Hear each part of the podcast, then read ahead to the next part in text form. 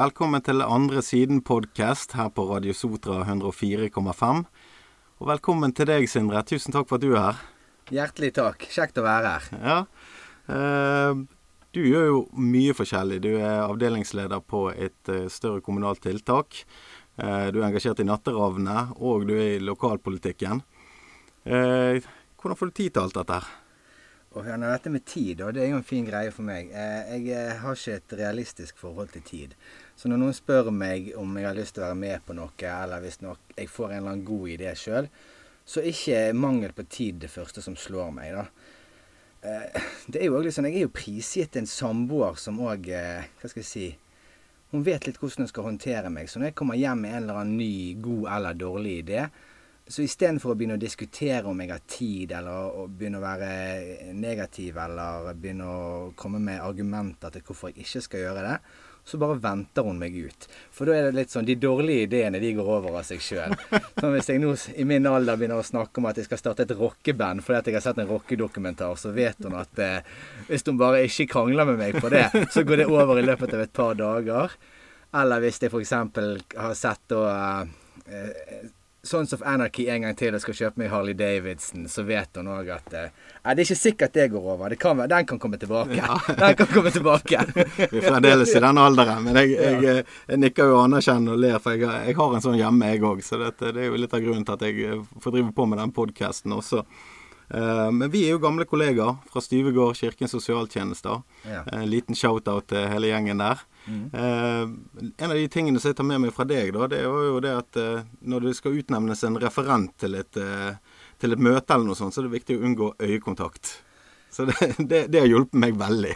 det, det, var en vanvittig god strategi. Dette her Jeg jobbet jo der ja, jeg vil si Det var nå i hvert fall en fem-seks år jeg jobbet der. Og i mange av de årene var vi kollegaer òg. Eh, og der var det litt sånn Hver gang vi skulle ha et avdelingsmøte, så sa hun som var avdelingsleder den gang, hvem kan skrive referat i dag? Og jeg unngikk denne øyekontakten for enhver pris i alle årene. Og det var veldig, veldig effektivt. Jeg, eh, jeg tror kanskje jeg skrev referat én gang på de fem-seks årene. Og da hadde vi avdelingsmøte. Det var enten annenhver uke eller hver uke. Det husker jeg ikke. Men det er nå litt sånn òg dette her er karmagreiene, da. Uh, jeg uh, Hva skal jeg si? Der som jeg jobber nå, da, der har vi litt andre strukturer på dette med avdelingsmøter og referenter og sånn. Jeg jobber nå som avdelingsleder sjøl. Og kom, På den avdelingen som jeg er på, der kom jeg inn til en kultur hvor avdelingsleder skriver referatet hver uke. Så det er vel eh, prisen for å være kisen. jeg tenker nå med en gang at jeg må begynne å ha øyekontakt igjen. Ja, Gange på det. så...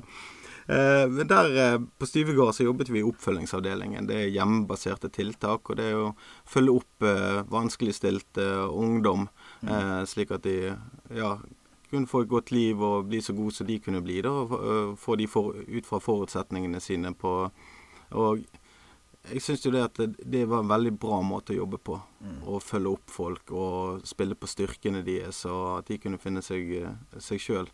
Eh, hva, hva, var det som gjorde at du i utgangspunktet gikk inn i sosialt arbeid? Du, det er, det, er en, det er, en, lang og god fortelling, det òg. Jeg syns ja, den er god. Ja, vi har tid. Du, det har seg sånn at På videregående så gikk jeg på tømrerlinjen. Eh, og for det første så Jeg var en elendig tømrer. Og det andre året på tømrerlinjen så begynte jeg å være på bygg to til tre ganger i uken hele dagen.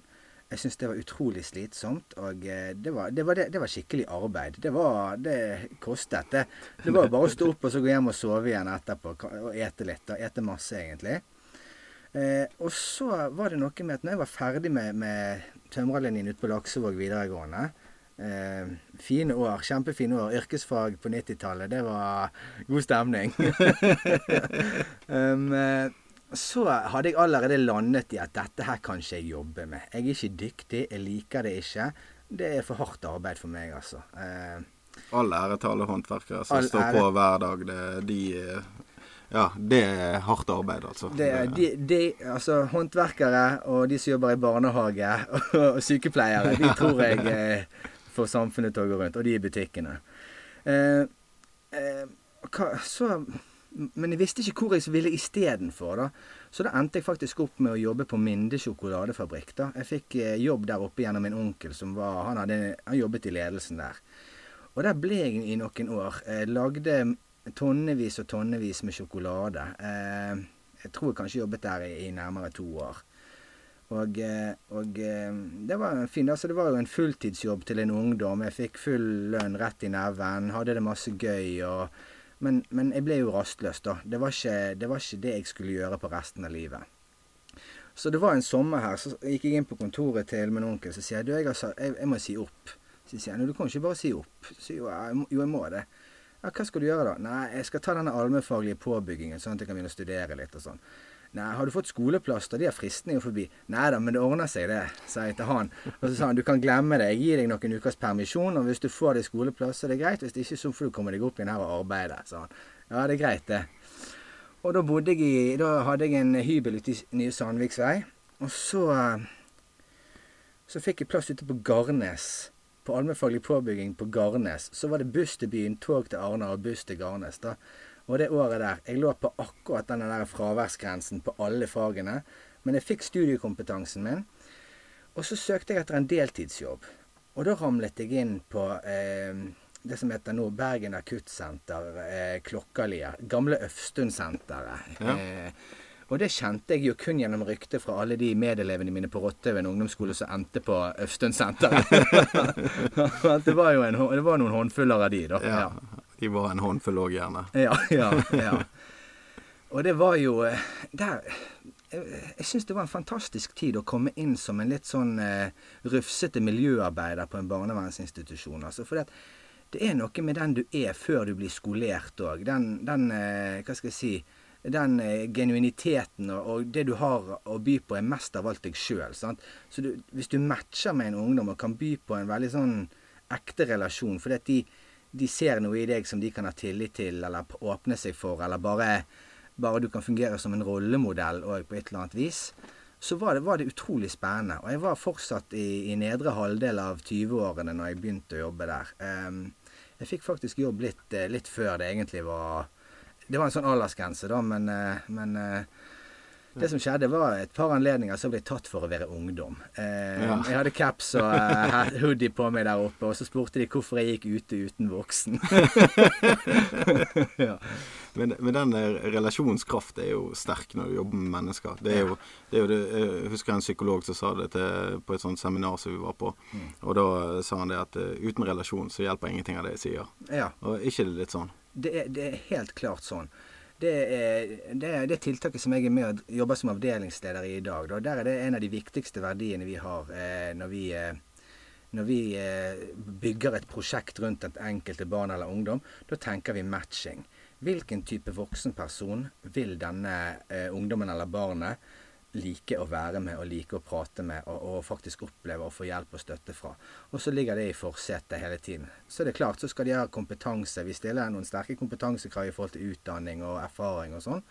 Men det viktigste er at dette er en person som ungdommer og barn vil være med. Ja, ja og knytte, knytte, relasjon med. Og da, da, kommer det inn litt sånn som du sa med denne rufsete, eller ja. det å kunne være et ekte menneske. For ja. det, kjenner jo fort igjen hvis du er falsk med meg, eller, mm. eller omvendt. Sant? Det må mm. være noe ekte der. Og det, mm. det tror jeg det å by på seg sjøl mye også mm. eh, kan være sterkt medvirkende til å bygge den relasjonen, iallfall. Dele litt eh, sjøl òg, uten å bli for privat. Ja, ja, ja. Finne de balansene der. Jeg syns jo det er så fantastisk at vi lever i en tid hvor dette her med erfaringskonsulenter. Det at eh, tjenester som skal hjelpe mennesker, de ansetter bevisst folk som har hatt utfordringer i livet sjøl.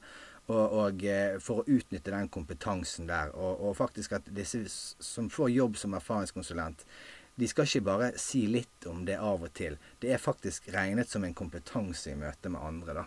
Så jeg er jo glad for at, det, at man rekrutterer der. Altså Jeg tenker det at jeg har jobbet så mange år i dette og gått så mange år på skole.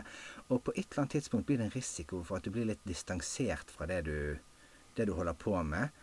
At eh, det, har, det, er veldig viktig å, at dette her brukerperspektivet og den medvirkningen er veldig sterk. da. Ja. Ja, jeg pleier ofte å si at uh, vi må ikke ta uh, menneskeligheten ut av å jobbe med mennesker. Nei. Og det, det, tror jeg, For det kan ikke bli for mye fag mm. heller. Fag er jo mer en sånn verktøyskasse som man har og bruker ut av uh, ved behov. sant? Mm. Først og fremst så er vi medmennesker. Mm. Og jeg, tenker, jeg tenker det at det, de aller beste, de, der går det litt hånd i hanske. De klarer å Når de har lært en eller annen samtaleteknikk eller en terapeutisk tilnærming med noe, så fortsetter de å snakke sitt eget språk og ha sitt eget lynne, selv om de har, har en slags eh, metode de skal følge. da. Ja. Det faller naturlig, på en måte. Ja, ja, Jeg begynner ikke å snakke som boken jeg leste. Jeg snakker fortsatt som, som meg. Sant? Ja, tar ut og så gjør jeg det, det ut ifra min, min, posisjon. Sant? Ja. Og det er jo litt eh, sånn som jeg ser jo Det er jo hele tiden i endring også. Sant? Så det, kompetansen er jo ferskvare òg. Han er det, ja. Eh, og, utifra, og det jeg syns er så bra når vi jobber eh, sånn som vi jobber i dag med mennesker, og ungdom og barn, det er jo at det, det skal være de mm. i fokus. Ja. Vi jobber jo for, for, de andre menneskene eh, som vi møter. Og det, det, tror jeg er veldig sterkt, altså. Mm. Eh, og oppleves veldig sterkt. Eh, fordi det var en som spurte meg Eh, du egentlig jobber egentlig for meg, du. ja. Jeg gjør det, men jeg er ikke butleren din, altså. Nei. men det er sant. Det, mm. det, er, det er, hva skal jeg si, For å være litt sånn teknisk på det, da. Det er sluttbrukeren som skal være i fokus. Det, en leder er ikke den viktigste. En politiker som legger føringer, er ikke den viktigste. En direktør er ikke den viktigste. Det aller, aller viktigste er at tjenesten som blir levert, eller tilbudet som blir levert, eh, er det den som mottar det, trenger. At han får det han trenger. Og da er, da er, jo dette her For veldig mange barn og ungdom så er det relasjonen som, som skal til for å gi tilgang Altså så du sa han psykologen du snakket om i sted. Hvis han da får tilgang fordi at de klarer å lage den relasjonen, så kan de gjøre mye basert på hans kunnskap. Men han må være god til å se deg i øynene med et varmt blikk og smile når du trenger det, og, og gi deg medfølelse når du trenger det. sant? Ja, For psykologen er jo ikke supermennesker. Du kan ikke bare komme inn der og så Du bør jo ha en plan og, og mm. for å gjøre de gode også. Mm, mm. Um, og hvordan jobber man da best mål, målrettet for, uh, for ungdommen i ditt tilfelle, da? Hva, hva liksom, hvordan lager du en plan? Jeg tenker det er, det er, så individuelt. Er, noen ungdommer vil at du går rett på sak. De vil gå rett på Kan du hjelpe meg å finne ut av hvordan eh, denne PTSD-lidelsen min fungerer? Eller kan du hjelpe meg å søke eh, bostøtte fra Husbanken eller et eller annet? sant? Noen vil det. Mens andre, og det går jo gjerne igjen hvis du hvis du møter en ungdom som har masse bagasje, blitt krenket masse i sitt liv av voksenpersoner, kanskje det har vært lite voksenpersoner å ha tillit til, så er, så er, de utrolig sårbare i møte med andre. Det er helt naturlig at disse barna og ungdommene er mistenksomme og mangler tillit og alt det. Og da må man bruke tid på å sitte tingen på den sosiale kontoen. Og det er forskjellig. Noen ganger skal man da smalltalke litt, og noen ganger skal man bare orke å være stille sammen i et rom. og noen ganger er det en kebab. så, det, så, det, er jo no, altså det er jo ikke alle jobber hvor man kan gå ut og spise kebab med en ungdom, men det fins heldigvis noen. Ja. ja. ja det, man, man, knytter jo bånd over en kebab iallfall, det er noe helt sikkert. Så, eh, men altså, når du jobber med, eh, med ungdommene, eh, ser du ofte at verstingene kan bli bestingene, på en måte? Altså når de får de riktige forutsetningene. For alle har jo styrke i seg sjøl. Jeg ser jo det at de de man møter eh, som har hatt utfordrende liv, har jo brukt utrolig mye styrke på det negative. Og eh, egentlig øvd seg på negativt selvsnakk og eh, innarbeidet noen mønstre som er vanskelig å, å snu, rett og slett. Men når du ligger til rette forutsetningene Det er jo det som det målrettede arbeidet handler om, gjerne. Ja. Jeg tror jo at, at veldig mange mennesker eh, som er utsatt eller sårbare, hvis de får riktig hjelp til, på riktig tidspunkt, så har de kjempehøyt potensial. Og det der er litt interessant å se på i et sånn langtidsperspektiv òg.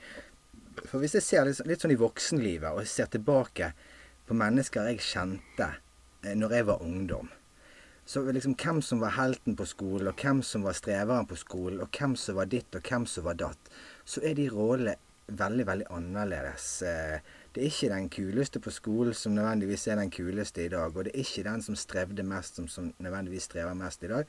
Så, så eh, hvis man på en måte får, får riktig påfyll, så har veldig mange så, altså mennesker med bagasje òg et kjempehøyt potensial. Eh, og jeg tenker også, men En liksom viktig ting å ha med seg i møte med barn og ungdom når man møter de aller, aller mest utsatte av oss, da, det er jo dette her med, med at eh, jeg har fått veldig mange spørsmål opp igjennom når jeg sier når jeg jobber med barn og ungdom og familier. Så sier jeg, har jeg møtt noen sånne skeptiske blink som rynker litt og sier ja, men hjelper egentlig det der dere gjør? Da har de egentlig sjans, disse her? Og sånn. Og så sier jeg ja, klart de, de har sjans, og vi hjelper de med ganske mye. Men det er òg viktig å ha et perspektiv på hva er det å hjelpe. Hvis du møter en 14 år gammel gutt som, hvor alt i livet er kaos, Familien er kaos, skole er kaos, fritid er kaos, venner og nettverk er kaos. Så, det, så kan vi ikke forvente at alt skal se ut som livet til der for en hvor alt har gått på skinner, for å si at ting hjelper. Kanskje det at denne gutten klarer å komme seg på skolen. At det ene tingen der har endret seg. Kanskje det er kaos i familien, kanskje det er lite venner. Kanskje det er mye kaos fortsatt. Men hvis én ting har endret seg, så kan vi si at det begynner å hjelpe. Han er inne på noe. sant? Belyser det mestringspunktet, da, rett og slett. Mm, mm, mm. Og, ja. Og, og, og, finne de små seirene. Ja. ja. Det er jo veldig viktig, for det tror jeg eh, mange voksne sliter med å gjøre òg. Mm. Du kan jo ha en perfekt uke, egentlig. Mm. Men du, du, ser jo aldri tilbake igjen på det at uh, i dag klarte jeg å stå opp og eh, få alle ungene i barnehagen. og Jeg gikk på jobb, jeg var hjemme og hadde middag, ja. jeg hadde sosialtid, jeg trente. Eh, gjerne fokuserer bare på de negative tingene. Mm. Og det er jo utrolig strevsomt. sant? Det jeg ikke klarte å få gjøre, eller mm. Det, det, jeg opplever òg, altså så jeg opplever når jeg jobbet med ungdom, det er jo det at de, de negative tankene og det man ikke klarer, det blir jo for mye. Det blir jo stor fjell mm. og så forandret det. Mm. Men da å komme inn og så faktisk reflektere over dagen. OK, jeg gjorde det. Jeg mm. gjorde det. Jeg kom meg på mm. skolen. sant? Mm. Mange tenker jo at det er helt hverdagslig. Mm. Men ikke for alle. Nei. Og når det først har skjedd, så kan ikke bare si Ja, men du kan jo bare komme deg på skolen. Jeg har ikke vært der på et halvt år. ja, ja. Hadde du vært sykemeldt i et halvt år, hvordan er det? sant? Jeg merket jo det bare nå sjøl under korona. ikke sant? Da var vi låst inn i tre uker. Mm. Skulle bort på, bort på trening og, og, låne noe der. Mm. Eh, og da, eh, da, merket jeg at dette var litt eh, rart. Mm. Møte, mm. møte, et menneske igjen. sant? Å ja, være sosialt. Ja. Eh, for på butikken gikk alle og skulte på hverandre. Så jeg tenker jo det at det, det, er faktisk ikke så rart når du ser på det. At, at ting begynner også å skli ut. For de vanene de er vanskelig. Mm. Og vi er jo avhengig av rutiner og de mm. gode mønstrene våre. Ja, det er sant. Og jeg, jeg, jeg, jeg altså rutiner og mønstre og sånn, det som du sier, det at det, eh, det, er fort gjort å tenke over de få tingene man ikke klarer. Sant? Mens, mens, i en vanlig hverdag er det ganske mye mestring allerede. da. Ja. Mm. ja. ja. Så, men eh, du har jo òg eh, Jeg har fått være med deg når du har holdt artkurs. Ja. Kan, kan, du si litt om hva art er? Tankegangen og betydningen og metoden? Ja, dette var jo noe jeg jobbet veldig masse med fra sånn 2009 frem til kanskje 2015, da. Eh, si du var knallgod på det òg? Ja. Ja, kanskje. Og, eller ja, jeg tenker at jeg var litt god, i hvert fall. Men eh, sånn, det, sånn Art er jo det, det, står jo for Aggression Replacement Training. Og det er jo som så mye annet en, en, en tilnærming til eh, eh, sinnemestring og eh, sosial, trening på sosiale ferdigheter for ungdom. da. Eh, og det er jo litt sånn med denne art, art som, som, det er med all annen metodikk som jeg er kjent med, i hvert fall. Det er det å, å bruke det Hva skal jeg si Bruke det til riktig tid og til riktig formål. Men det som eh, var veldig fint med denne metoden her, det var den, denne positive ladningen med det. Dette her med det at man fikk inn at man skulle møte mennesker med, med oppmuntring, med ros, med positive tilbakemeldinger, støttende beskjeder, og løfte folk opp og fram. da. Eh, og så dette her med at jeg fikk, lærte veldig mye om dette hvordan man alltid er en rollemodell. Så hvis jeg, eh, hvis jeg, skal eh, snakke med ungdommer og barn om at det er lurt og sånn og sånn, og sånn, og sånn, så må det være en troverdighet eh, hos meg i det. da.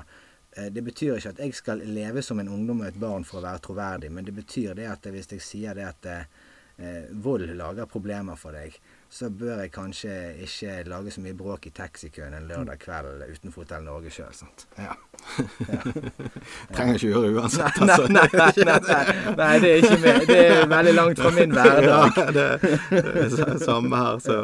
Ja. En, på, på, de artkursene, og jeg har tatt veldig mye med meg fra, fra vi jobbet sammen på det. altså Det at det var lystbetont. Sånn som mm. sier vi, vi snakker hverandre opp, vi løfter hverandre. Ja, ja. Eh, jeg syns da vi alle kan bli flinkere til det. Det er ikke mm. alltid like lett i en hverdag, eh, men å ha det med seg at kanskje den, eh, den kommentaren kunne vi spart oss for, mm. eller eh, Ja, altså fokusere på de, på de gode tingene. Mm.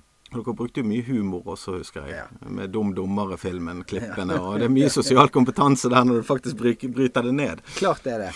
Og, og, og, det som jeg jeg, jeg, er veldig opptatt av disse her Jeg kan kalle det liksom litt sånn mikroferdigheter i hverdagen. Og det er sånn når du kommer inn på arbeidsplassen din. Være litt Løfte blikket og være litt oppmerksom og si til folk når du går forbi de i gangen 'God morgen. Hvordan går det med deg? Hvordan går det med ungene?' Og, og hvordan gikk det i forrige uke? Du skulle jo sånn og sånn. Gi litt anerkjennelse, tilstedeværelse og oppmerksomhet. da.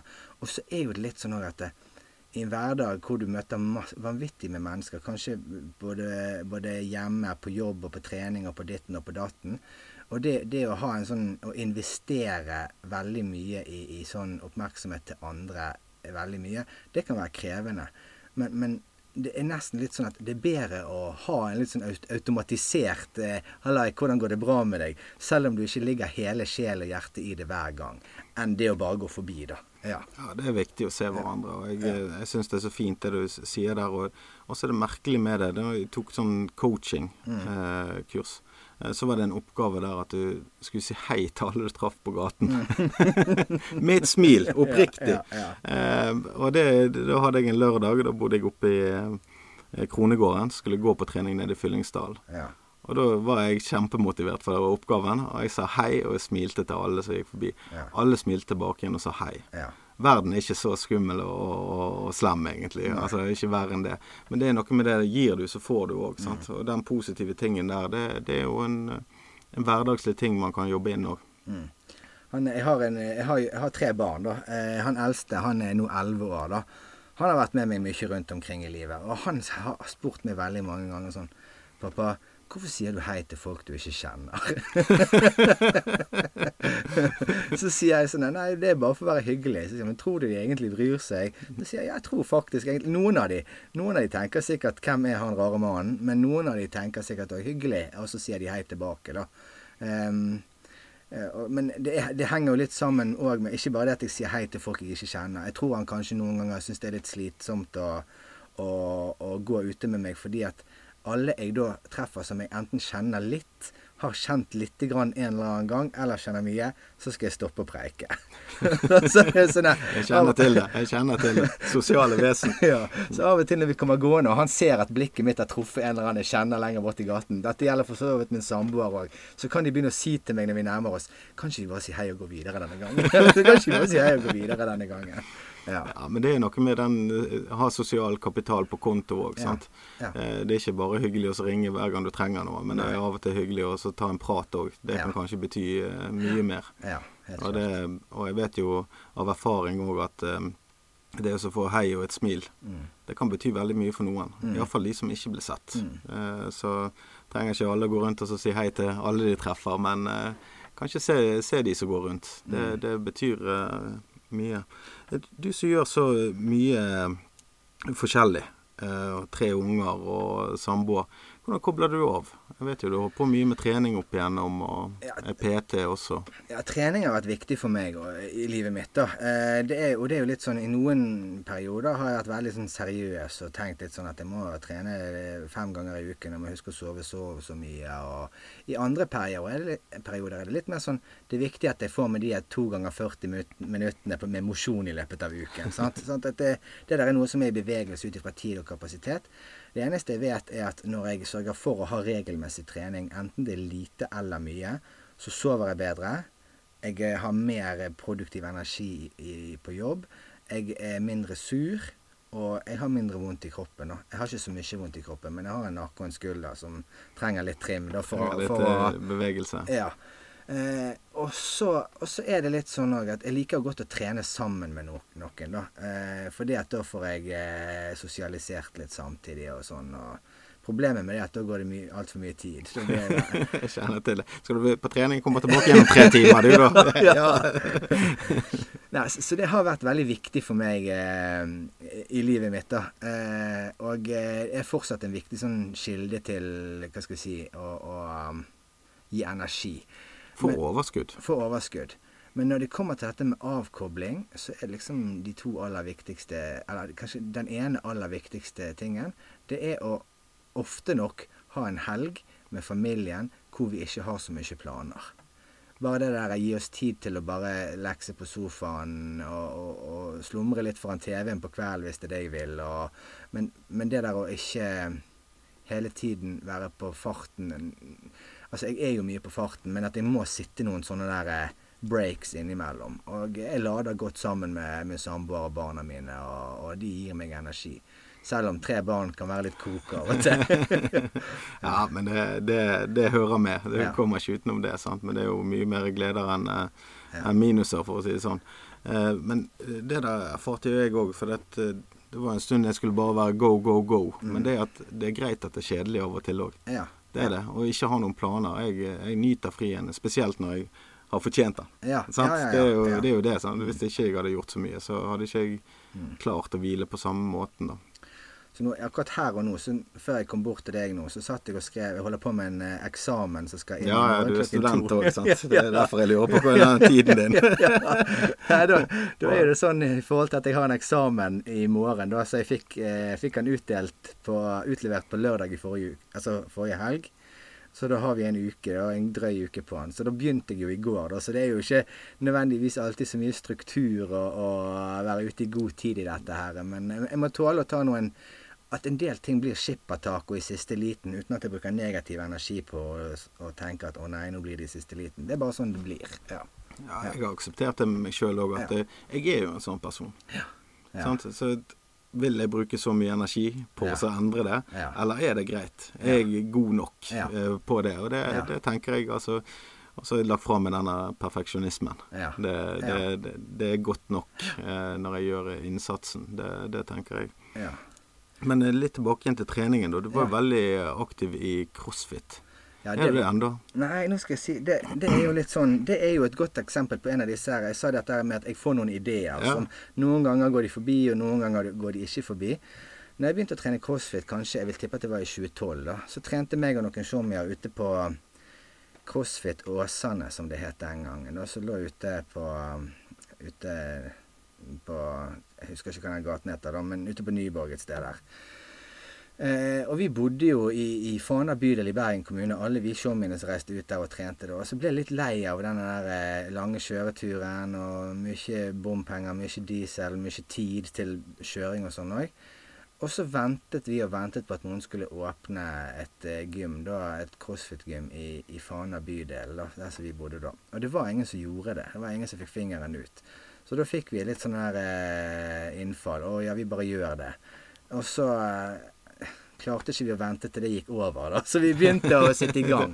Så da åpnet vi, da, en liten, en liten gjeng med, med uh, venner og bekjente, et gym Eh, Et gym i uh, på, på ja, først ja. på Nestun. Første lokalet vårt lå på Nestun. Og dette drev jo vi ved siden av full jobb, og, og det var liksom en, en drive en bedrift på hobbybasis ved siden av. Og det, det tok jo mye mer tid enn en det, en det ja, det, en, en treningsbransjen, er, treningsbransjen er ikke enkel. Nei, det ble mindre trening, da. mer kaffe. Prat. Ja, og så, vet du Så var jeg med og vi fikk, Men jeg, jeg er ganske kry over den. Vi fikk det der stedet opp å gå. Um, det gikk uh, de årene jeg var med Jeg var med i tre år før jeg solgte min andel og trakk meg ut. da. Alle de årene hadde grønne tall og, og økende medlemsmasse. Uh, men så, jeg, så ga jeg meg, da, rett og slett pga. prioriteringer. Jeg begynte på jeg begynte på en videreutdanning eh, den gang òg. Jeg, jeg, er jo i bunn og grunn sosionom, og så har jeg gjort en haug med greier eh, etter det. Eh, eh, men så, så, trakk jeg meg ut, og så, og så eh, Nå i år, eh, faktisk, så solgte sistemann av oss som var gründerne den gang, solgte han sin andel. Det er da Martin Ingvaldsen, som òg har jobbet med meg. Ja, da, Martin er fin, ja. Eh, han solgte sin del nå da for en liten tid tilbake og eh, trakk seg endelig ut. Så nå drives det videre av eh, to ildsjeler som, som, gjør dette med hjertet sitt, da, og som kanskje har litt bedre tid enn en det vi hadde. Eh, og gymmen eksisterer, og mange av medlemmene som begynte når vi åpnet, er der ennå. Ja. Ja, hva heter gymmen, som vi gir de litt reklame her? Det heter CrossFit Syv Fjell, da. Ja. Så hvis du har en crossfit-opplevelse, så er det hjertelig velkommen dit. Og det er litt kult å ha vært med oss og starte på, uh, på den uh, biten der. Men du er jo også PT òg. Driver litt uh, med det? Nei, jeg gjør ikke det lenger, altså. Du har gitt det med det? Ja, det gjorde jeg. Jeg gjorde det litt på si ved siden av noen andre jobber. Men, nei, ved siden av hovedjobben min. Men det har jeg gitt meg med. med ja, gitt meg med.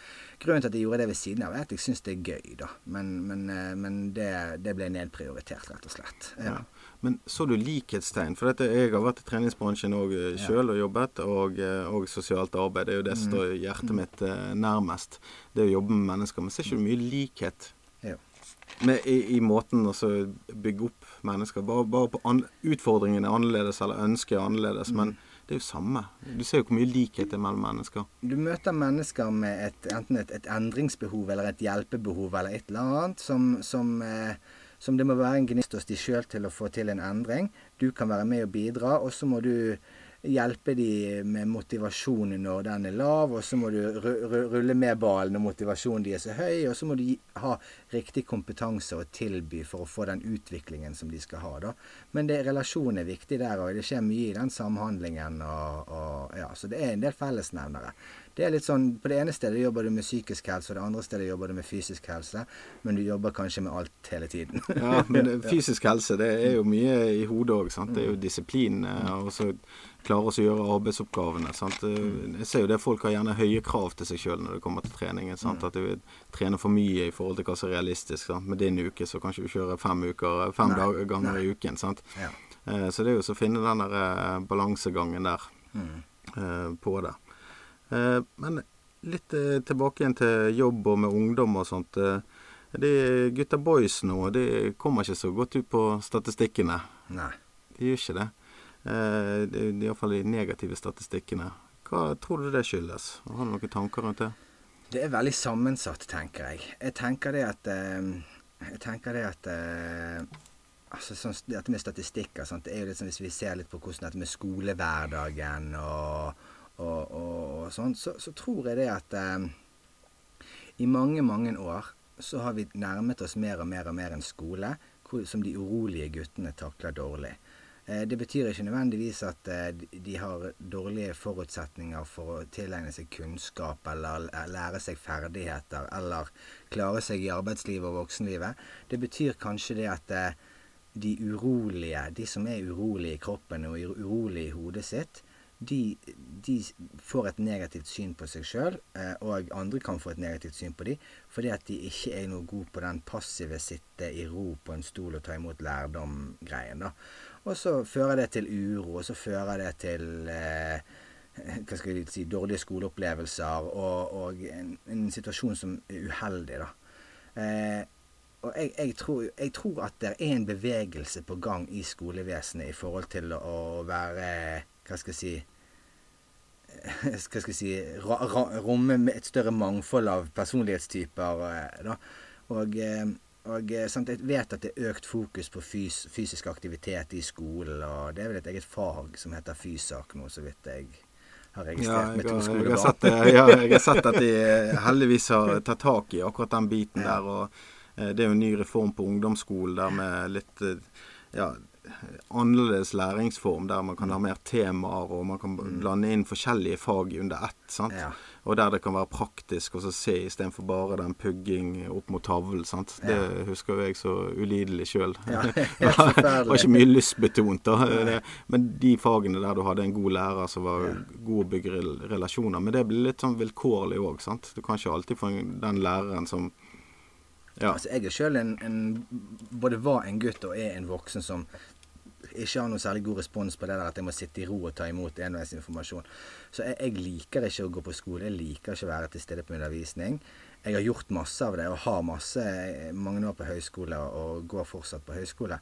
Men jeg er ikke noe glad i det. Jeg har bare flaks som tar til meg ting relativt lett. ja, det er samme her òg. Jeg kunne pugge dagen før, og så satt jeg, og så var det ute igjen. Sant? Ja. At, uh, men det er, ikke, det er, jo ikke, gjerne den optimale måten å jobbe på heller. Jo, jeg, jeg misunner jo ofte de som har veldig fin struktur og jobber jevnt. og Det, ja. det, er, jo den, altså, det er jo den jevne jobben som gir de beste resultatene. ja, ja. Og tenk, tenk, de som får gode resultater hvis de gjør eh, hastverksarbeid. Tenk de resultatene de kunne fått. Hvis de... Jeg har tenkt ofte på det, men som sagt, dette er godt nok. ja, det er det vi snakket om i sted. Ja, altså, Nei, så tror jeg det er litt andre ting òg. Dette her med at, eh, med at, det er masse gutter som kommer eh, dårlig ut på en del statistikker. Sant? Det er jo òg at eh, Det er jo òg hva skal jeg si, De kommer kanskje dårligst ut på de statistikkene som, som er litt sånn utagerende, som blir plukket opp og folk reagerer på. sant? Og, og det som Jenter har jo en del sånn problematikk som de scorer høyere på òg. Men det er gjerne mer sånn type introverte plager. Sånn, ting som går mest utover de sjøl, og ikke forstyrrer ja. omgivelsene så, så grådig. Så det tror jeg òg påvirker statistikken. Hvilken type utfordringer som kjennetegner gutter som har det tøft, og hvilke type utfordringer som kjenner jenter som har det tøft. tøft da. Men, tror du at det kan være med at før så var ikke det så mye fokus på det, men nå har vi fokus på det, uh, og at ting har ikke endret seg så mye, men det var jo kanskje et, det var et annet samfunn òg. Så de statistikkene som gjerne sier på med psykisk helse og, eh, og de tingene, eh, kan det ha vært Det er jo fordi vi har satt fokus på det og prøver også å gi hjelp òg. Mm. Ja, jeg tror det òg. Og så tror jeg at samfunnet vårt var, var mer tilpasset. Hadde, hadde en mer raushet i forhold til eh, hva skal jeg si, de som ikke passet helt inn før. Og jeg, og jeg tror jo det at det, sånn, Det er jo sånn klisjé, eller et sånt bilde på det. Dette her med at ja, du ble sendt på båt, og så måtte vaske dørken og litt sånn. Jeg tror kanskje for mange mennesker så var ikke det så dumt, og, og, og, at det var en fin løsning. Ok, Da fikk du mange, masse en, Hva skal jeg si, en urolig gutta boys. Han fikk seg mange mannlige rollemodeller som visste i hvert fall hvordan det er å bite, å bite tærne sammen og arbeide, og det var et fellesskap, og, og at det kanskje Altså, det er Det vil ikke passe så veldig inn eh, i vår tid å sende noen på båt og vaske dørken, da. Men, men, men som et bilde på at det, det, fantes en struktur i samfunnet som rommet de som trengte det. da. Ja. Ja. Jeg har et godt eksempel. Jeg har spurt denne personen om jeg kan bruke dette eksempelet. da. Ja. Eh, en ung gutt som eh, for mange år siden hadde klarte ikke å sitte i ro på, på skolen. Mm. Høyt og lavt, urolig, atferdsproblemer og på fritiden og hele pakken. Eh, men så fikk vi den personen inn på, på taktekking. Ja. gjennom et firma med en kanonkul eh, kar. Mm. Eh, og han ga de direkte beskjedene og alt. Men denne, denne gutten, eller mannen nå, da, mm. Mm. han løpte jo på disse takene som ingenting. Ja. Han hadde jo så mye energi. Kunne ja. løpe hele dagen. Mm. Sant? Tjente penger. Mm. Og sånn mellom meg og deg så tjente jeg noen gode svarte penger òg. Storkoste seg. Ja. Bra bil. Mm. Fremdeles i jobb. Ja. Alt. Så, så, jeg tror det er viktig det at vi kan inkludere ja. Eh, det, det, er ikke alle som skal ha et hjørnekontor og, og nei. Eh, mastergrad. Eh, nei, nei, nei. Helt klart. Kjempeviktig. ja. At du kan få, der, der er jo håndverksbransjen en gyllen mulighet. Hvis det Ja, det er kjempe, kjempeviktig å tenke at altså, er litt sånn at alle yrker er verdifulle, og, og man skal respektere enhver jobb noen finner seg. Sant? Eh, men eh, ja. Ja, det tror jeg det, det, er alfa og omega. Og det, du trenger mye mer enn håndverker i løpet av et liv enn en uh, advokat, f.eks. Ja, ja, ja, det er ikke så viktig med, med jussen hvis toalettet ikke virker hjemme, f.eks. Sant? Det er sant. Men jeg tror òg, liksom når vi er inne på dette her med, med ungdom og gutter som strever Vi kan snakke om gutter, da. Det er ikke sikkert det er så ulikt for jenter og sånne ting. Men jeg tror òg det at eh, denne verdien av en, eh, en, eh, en stødig rollemodell som du kan kjenne deg igjen i, er, er veldig viktig. da. Og for mange, for mange, gutter så er det faren, da. Som på en måte tilbyr den som på en måte både kan være tydelig, han kan være streng, men han har såpass mye kjærlighet og, og, og andre viktige verdier på kontoen med, med barna eller ungdommen sin. At uh, Han, eh, han, kan formidle riktige verdier, formidle god kunnskap, og, og, og, denne gutten tar det til seg. da. Så jeg tror det at hvis du ikke har en sånn Det trenger ikke være pappaen din, men det trenger å være noen. Så hvis ikke du har denne i livet ditt, så kan det være vanskelig når du kommer opp i, i, i puberteten, hvor du skal plutselig forvalte hormonene og følelsene dine og det kaoset som puberteten medfører. da. Så hvis du da, da, da tenker jeg det at det, med en god rollemodell som du tror på og stoler på, så er oddsene dine litt bedre. Ja. Det tror jeg òg. Og um, jeg har jobbet med barnevern og, mm. den eh, når vi jobbet sammen, så fikk jeg jo ofte Enten var det noen som bare gikk vekk når de spurte meg hva jeg drev med, mm, mm. Ellers var det noen som spurte akkurat så jeg hadde opp, ja, fasiten på oppdragelse. Det har jeg ikke. Nei, nei, nei, jeg har aldri i livet. Det, det, er det ingen som har. Og jeg tror alle gjør uh, så godt som de kan. Det, det er det vi som foreldre. Ja. Men uh, da, da, sa jeg jo alltid det Har du kjærlighet i bånd, mm. så tror jeg det ikke noe du ikke kan fikse. Det, det, går jo litt igjen på den rollemodellen. Sant? At du har noen mm. å modellere. Eh, deg på, som er alltid glad, for, glad i deg og, og støtter deg. Og det er sånn interessant at du nevner dette med kjærlighet og, eh, og, og, barnevern og arbeid med barn og unge i samme åndedraget. Det er jo fordi at vi er jo faktisk i en tid der du har en interesseorganisasjon som heter Forandringsfabrikken, som har kjempet for at dette begrepet kjærlighet skal inn i barnevernloven. Og, og det, har jo de, det har de kjempet for, og det er jo blitt vedtatt. Det skal jo, skal jo Barn som er i barnevern, ha rett på kjærlighet. Det er viktig. Eh, ja, kjempeviktig. Og det er jo litt sånn i, i den jobben som jeg har, da. Når vi intervjuer eh, kandidater til stillingene våre, så spør vi da hva tenker du om kjærlighet i arbeid med barn og unge. For da er det viktig for oss å fortelle at vi forventer ikke at du skal elske, elske de du følger opp når du er på jobb, Nei, det... men du skal tilby dem en form for kjærlighet. Om den kjærligheten er et varmt blikk, en high five eller en klem, det er veldig individuelt hva den enkelte ansatte kan tilby, og hva den enkelte ungdom vil ha. Men, men, at du skal ha den, den, dimensjonen med deg i arbeidet ditt, det er kjempeviktig. Ja. Eh, du engasjerer deg også i frivilligheten, det med Natteravnene. Der var jeg ute på, på Ågotnes, så var det jo et par ting som skjedde. Vi trenger ikke gå inn i detaljer på akkurat det. Men det var jo fantastisk å se eh, frivillighetsånden og engasjementet, den dugnadsånden som vi av og til undervurderer, syns jeg. Ja. Og det, Der må jeg bare sende ballen videre til eh, Emil, Lillian og Maria, som er, er i styret. Da. Jeg er òg i det styret. Vi leter etter min erstatter. Men de tre har gjort en fantastisk jobb med å holde oppe motivasjon. Og det har vært tynt med folk som ville gå natteravn, og, og, og eh, organisert og eh, eh, kjørt på når det har vært mange som ville. Eh, men, men, det er, som du sier, et godt eksempel på når lokalsamfunnet tar ansvar for, eh, tar ansvar for å bidra til bedring av et eller annet som ikke er så bra i et lokalsamfunn. Sant? For det er jo dette, ok, det var, det var, en del hendelser knyttet til ungdommer i et lokalmiljø der ute. Og, og så ser jeg sant, jeg ser jo i kommentarfeltene for de lokale internett... Eh, Facebook-grupper eller sider eller hva det er, så er det mye fordømmelse, det er mye sinne, det er mye sånn sånne, sånne reaksjoner som går på sånn Nå må de oppføre seg, har ikke de foreldre, og, og ditt og datt. Og det har ingen effekt. Det har ingen effekt å få disse ungdommene til å føle seg mer på utsiden, skamme seg mer, eller eh, hva, hva, du er ute etter. da. Men, men det å, å, få voksne fra lokalsamfunnet ut i gatene, preike med dem, det har noe å si. Det kan godt være at disse ungdommene syns de natteravnene med gule vester er kjempeirriterende og tenker 'å, nå kommer de'.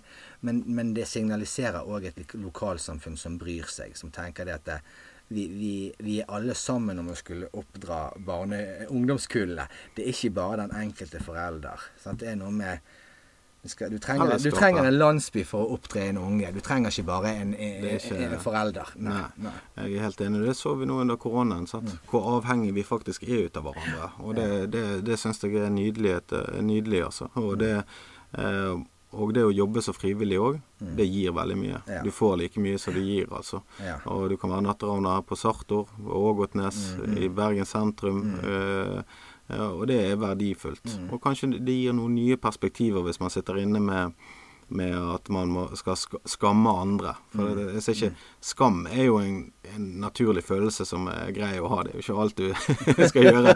Men det å bli skammet ut av andre, det, det har, som du sier, ingen, uh, ingen nytte.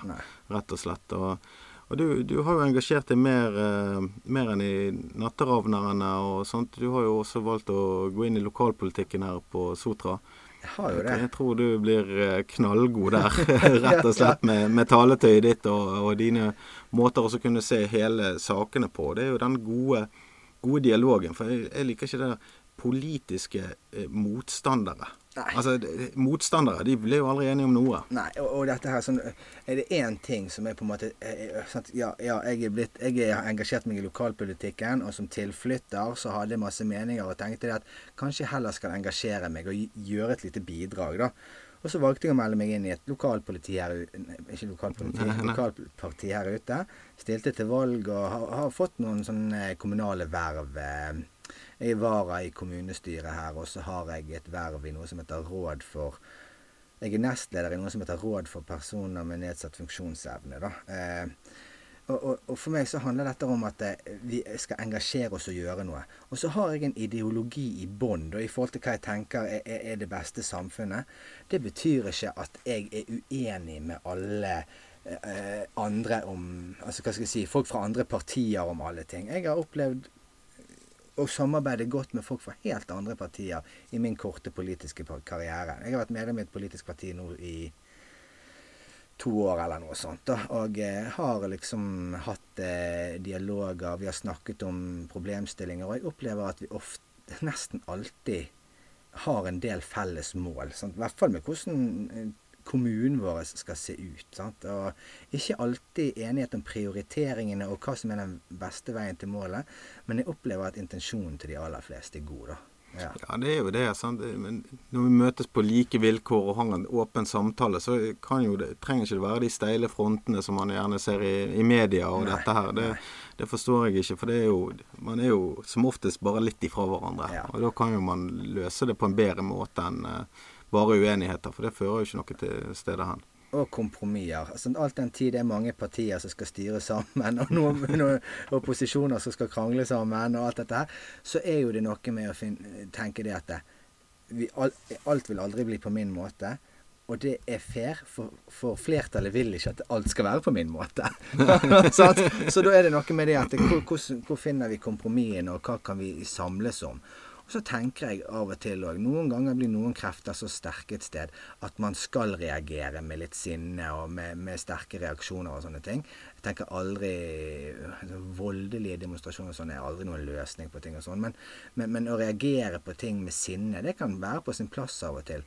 Men, men å ha en sånn generell tiltro til at de aller fleste vil det beste, det tenker jeg er et godt utgangspunkt. Ja, og så det noen Så fins det noen som bare irriterer meg grenseløst.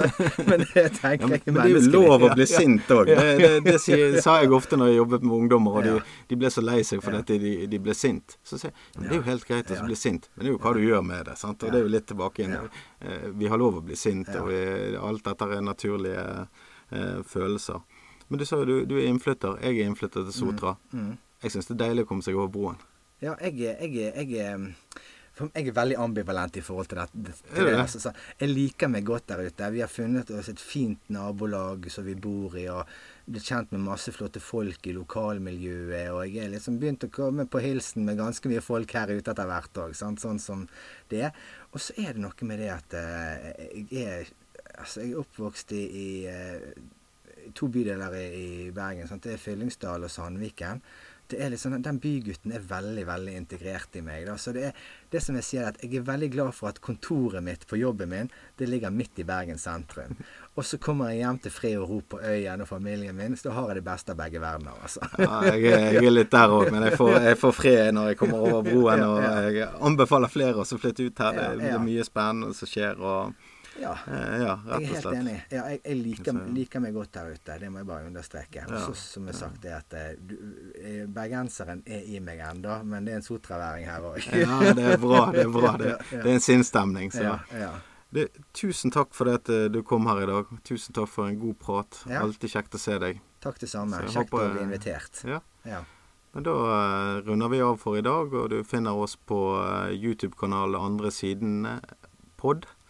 Og eh, følg oss gjerne på Facebook og Instagram. Igjen, takk skal du ha, Sindre. Tusen hjertelig. Kjekt å være her.